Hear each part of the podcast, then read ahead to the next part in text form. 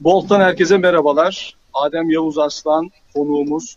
Adem Yavuz Aslan'la bugün imza attığı o güzel haber üzerine konuşacağız. Ee, Reza Zarrab 4 yıl sonra bulundu. Adem Yavuz Aslan buldu, izini sürdü. Ee, Reza Zarrab'ı bulma süreci nasıl? Onu önce bir kendisinden dinleyelim. Daha sonra da Reza Zarrab'ın Türkiye için önemi neydi? Ondan bahsedeceğiz. İsmi de çok ilginç. Aaron Schmidt. İsminin üzerine de konuşacağız. Adem Yavuz Aslan hoş geldiniz. Merhaba, hoş bulduk.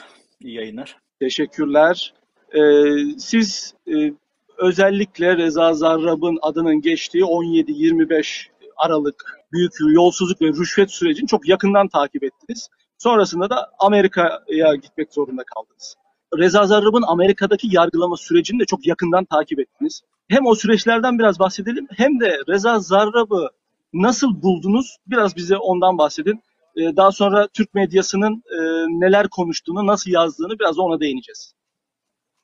Ee, senin de söylediğin gibi Reza Zarrab e, çok önemli bir isim. Türkiye'nin son 10 yılına damga vuran ve etkileri itibariyle de onlarca yıl sürecek olan bir adam. Çünkü Reza Zarrab yüzünden Erdoğan Türkiye'de anayasaya darbe yaptı, emniyeti, yargıyı dağıttı. 15 Temmuz'a uğranan sürecin başlangıcı aslında Reza Zarrab süreci. Çünkü Reza Zarrab 26 yaşında İran'dan gelip Türkiye hükümetini, Erdoğan'ı, ailesini ve AKP kabinesini rüşvete bağlayan, Halk Bankası başta olmak üzere kamuyu kevgire çeviren uluslararası bir dolandırıcı. İş adamı falan diyorlar ama ürettiği bir şey yok. Tamamen sahte evraklar üzerinden kara para aklayan, İran'ın parasını aklayan bir isim. Ve 20 milyar dolar para akladı bugüne kadar. Ve bu dönemde işlerini rahat götürebilmek için bizzat Erdoğan'ın bilgisi, onayı ve talimatıyla, Berat Albayrak'ın onayı ve talimatıyla Halk Bankası üzerinden 20 milyar dolar aklayıp Türkiye'de bürokrasi rüşvete boğan, her türlü illegaliteyi yapan, rüşvetle, sahte e, evraklarla e, Türkiye Cumhuriyeti vatandaşlığı alan, sadece kendine değil aile fertlerine de alan bir isim. Bu ara Ebru Gündeş'le evlenip daha da popüler hale gelen, medyada, bürokraside, siyasette selam verdiği insanları rüşvete boğan böyle bir isimden bahsediyoruz. Uçağıyla bakanların fink attığı, sağa sola gittiği bir isim. Bu kadar önemli bir isimdi. Ve bu isim işte 2016'da Miami'ye ailesiyle tatile geldi. Resmi söylem bu ama ben o senaryoya ciddi anlamda şüpheliyim. Zarrab bilerek isteyerek Amerika'ya geldi benim teorime göre.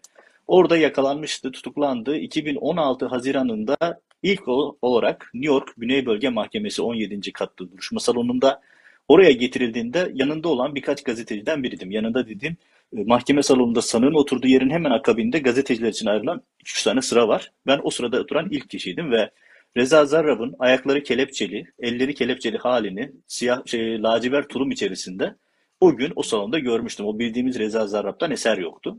Orada işte itirafçı oldu. Sonra Erdoğan e, rejimiyle yaşadığı o uzun ayrıntılı anlatabileceğim bir sürecin sonunda itirafçı oldu ve Halkbank'ta dava. 7 gün boyunca kürsüye çıktı. Her şeyi Erdoğan'la nasıl işler çevirdiler, Halk Bankası üzerinden nasıl para aktardılar, rüşvetleri nasıl dağıttılar, verdikleri rüşvetlerin kaydını nasıl tuttular.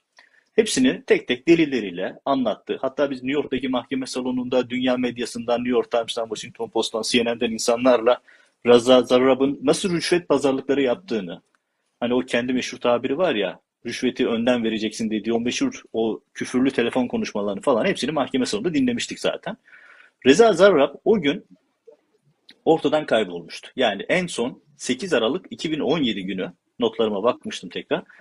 Kürsüden indi, duruşma salonunda polislerle birlikte salondan ayrıldı ve kimse görmemişti o gün bugündür. Tam 4 yıl geçti ve 4 yılın sonunda ben Reza Zarrab'ı Amerika'nın popüler yerlerinden birisi. Yani şöyle benzetme yapayım. İstanbul'da işte ne bileyim Etileri ya da e, Acarkent falan vardı İstanbul'da böyle lüks villaların olduğu bölgeler. Öyle bir yer düşünün. Florida'nın e, Miami zaten çok bilinen bir yer, meşhur e, bir noktası, popüler bir yer. E, yani yaz kış e, popüler gözde tatil yerleri, e, zenginlerin mekanı.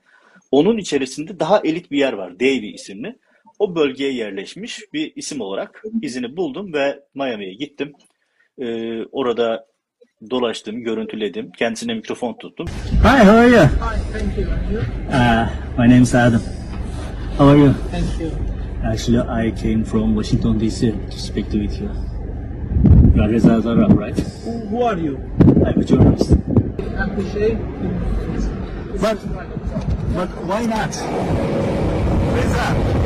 İşte TR724 YouTube kanalında koyduğumuz haberin e, hikayesi özetle böyle. Ama nasıl buldun sorusu, az önce sorduğun soruya özetle gelip nasıl buldum? Aslına bakılırsa e, bir istihbarat, bir cümlelik bir istihbarat üzerine başladı her şey. O istihbarat da hani adın lafı gelişi istihbarat, bilgi diyeyim daha doğrusu. Ee, bir hani açıkça söylüyorum bir Uber şoföründen aldım bilgiyi. Bir Uber şoförü benim yayınlarımı takip eden, yazılarımı izleyen bir Uber şoförü e, Miami'nin gözde eğlence mekanlarından birisinden aldığı bir yolcunun zaraba benzediğini söyledi ve bıraktığı adresi söyledi bana. Ben de evine bıraktım dedi bu şekilde. Başka bir bilgi yok zaten. Hani bu şahıs e, sahte bir isimle de ihbar yapmış olabilir bilemiyorum ama bana gelişi bu şekildeydi bilginin. Tabii ben o bilgi üzerine uzun bir çalışma şeyine başladım. Bir aydır çalışıyordum bu konuya. Ee, kira kayıtlarına baktım, iş yeri kayıtlarına Peki baktım. Adem Yavuz Aslan e, daha önce bu aradan geçen e, 4 yıllık süreç içerisinde kendisiyle ilgili herhangi bir bilgi gelmiş miydi size? Şurada olabilir, burada Hayır. olabilir diye. Hayır. Hayır. Hiçbir Evet. şey yoktu. Adeta buhar olmuştu Zarrab. Dört yıldır hiç kimse nerede, ne yapıyor bilgi sahibi değildi. Ne yaptığı konusunda hiç kimsenin bilgisi yoktu. Yaygın kanı şuydu. Tanı koruma programı çerçevesinde işte estetik ameliyat yapılmıştır. ismi, kimliği, yüzü değişmiştir. Amerika'nın bir yerinde, ücra bir yerinde yaşıyordur. Şeklinde bir kanı vardı. Ama bu kanıyı besleyen herhangi bir delilimiz yoktu. İşte o istihbarat üzerine ben şunu yaptım. Hani bazı izleyicilerimize de işte aktroller hemen şeye başlamış. İşte bu yok CIA verdi, yok FBI verdi falan filan. Arkadaşlar kaynağımı çok net söylüyorum. Kaynağım Facebook, Instagram ve açık bilgiler. O adresi aldıktan sonra yoğun Facebook, Instagram Türkiye'de ve sosyal... Türkiye'de de Türkiye'de de e, pek çok haberi bu şekilde yapmıştınız zaten. Evet yani açık Açık kaynaklardan. yürüdüm. Hani bir nevi bir Tabii. nevi şey e, ipin ucunu çekerek gittim. Yani günlerce süren bir gazetecilik çalışması. Bakın Amerika'da kira kontratlarına ulaşmak mümkün. Amerika'da iş yeri kurma, iş yeri açma kayıtlarına ulaşmak mümkün. Ben bu bilgileri Florida eyaletinin iş yeri kurma açma bilgilerinden, resmi evraklardan, devlet bilgilerinden, şey, kayıtlarından buldum. O adrese bağlı iş yerini. İş yerini bulunca o adrese bağlı kira kontratını buldum. O kira kontratını bulunca Zarrab'ın evini buldum. Oradan bulunca Zarrab'ın yeni adıyla çünkü iş yeri kontratı şey şirket kurma e, iş belgesinde yeni adı yazıyor. Aaron Goldschmidt.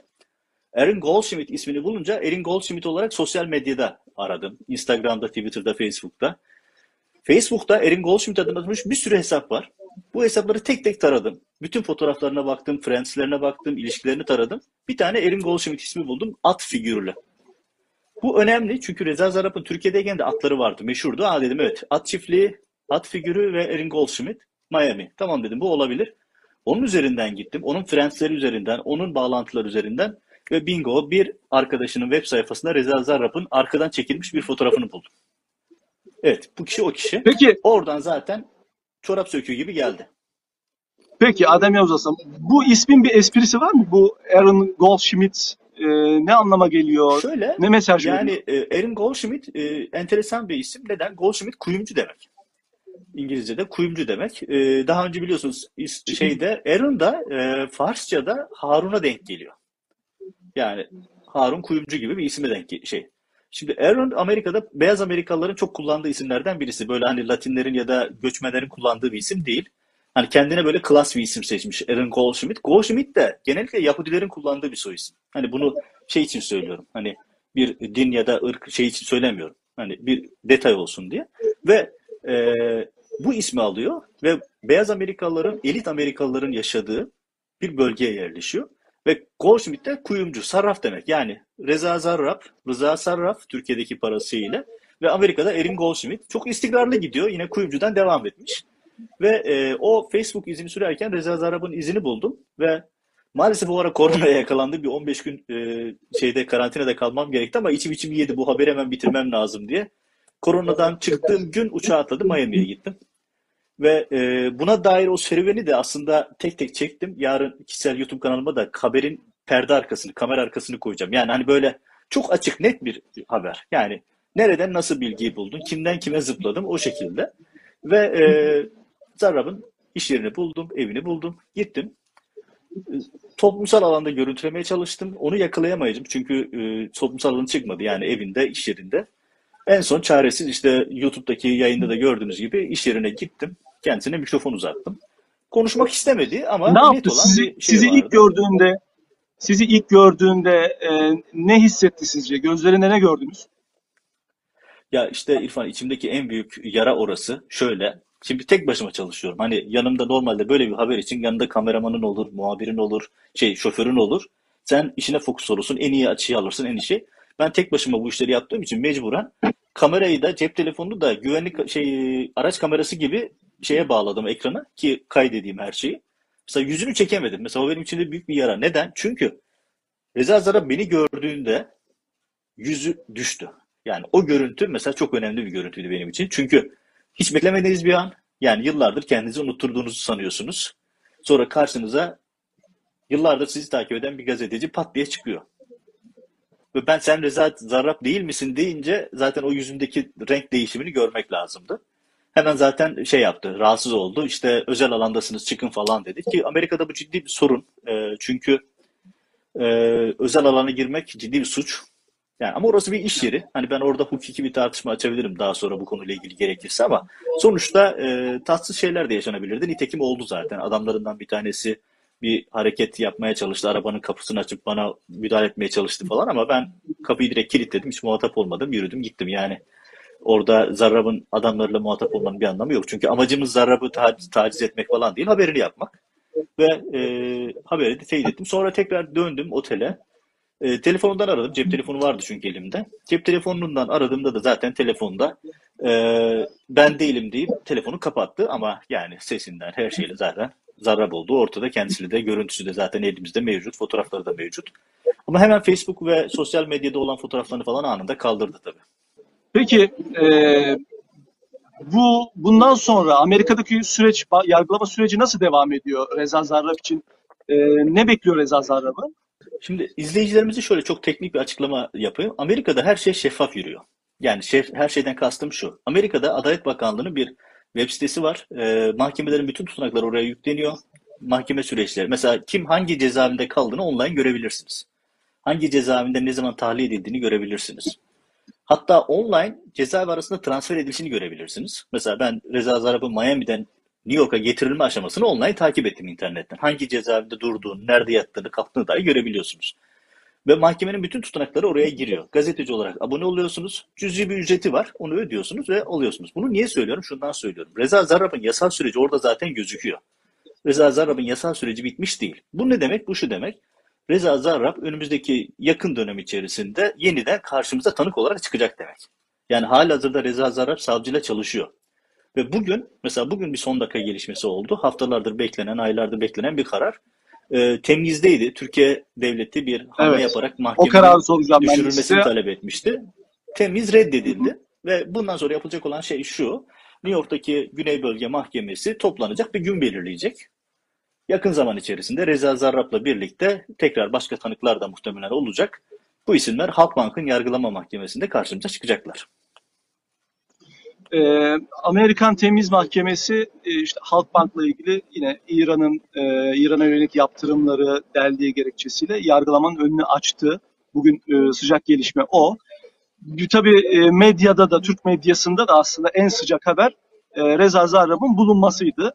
E, çıkan haberleri görmüşsünüzdür e, siz de. Yani bir kısmını gördüm. çok, Hepsine e, bakmadım ama bir kısmını gördüm. E, hemen hemen tamamı aldı bu haberi kullandılar. E, ama kullanırken de kimisi kaynak gösterebildi, kimisi de e, işte FETÖ'nün yayın organı TR724'te e, Amerika'ya gitmek zorunda kalan e, Gülen Gülenist e, Adem Yavuz daha çok. Firari evet Firari Adem Yavuz Arslan yazdı haberi de yine ismini de veren yerler de var. E, bunu nasıl değerlendiriyorsun? Bu e, yani kaynağını söylerken bile bu ifadeyi kullanmak zorunda kalmalarını nasıl değerlendiriyorsunuz?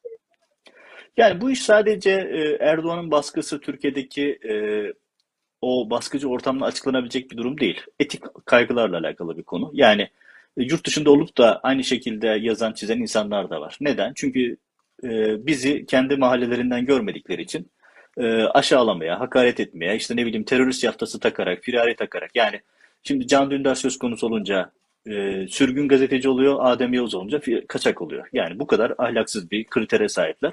Ama e, kimin umurunda? Yani ben açıkçası bugüne kadar onları hiçbir zaman ciddiye almadım. Almamaya da devam edeceğim. Ben gazeteciyim. Dün de gazeteciydim.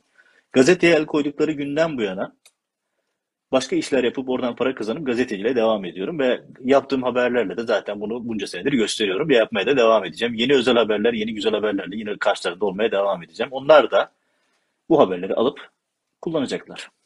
Kullanmaya devam edecekler. Bu onların ayıbı. Benim açıkçası ismimin önüne terörist yaftası takmaları, firari demeleri vesaire bana bir şey kaybettirmez, onlara kaybettirir. Bu onların ayıbıdır. O onların ayıbı da kayda kendi elleriyle kendilerini kaydetmiş oluyorlar. Yarın bir gün bugünlerin tarihi yazılırken, Erdoğan rejiminin hikayesi yazılırken bunların hepsi de önlerine konur. Adem Yavuz Aslan e, bu güzel haber için size teşekkür ediyoruz. Ellerinize sağlık. E, bize verdiğiniz, burada verdiğiniz bilgiler için de çok teşekkür ediyoruz. Yayınımızı izlediğiniz için teşekkürler.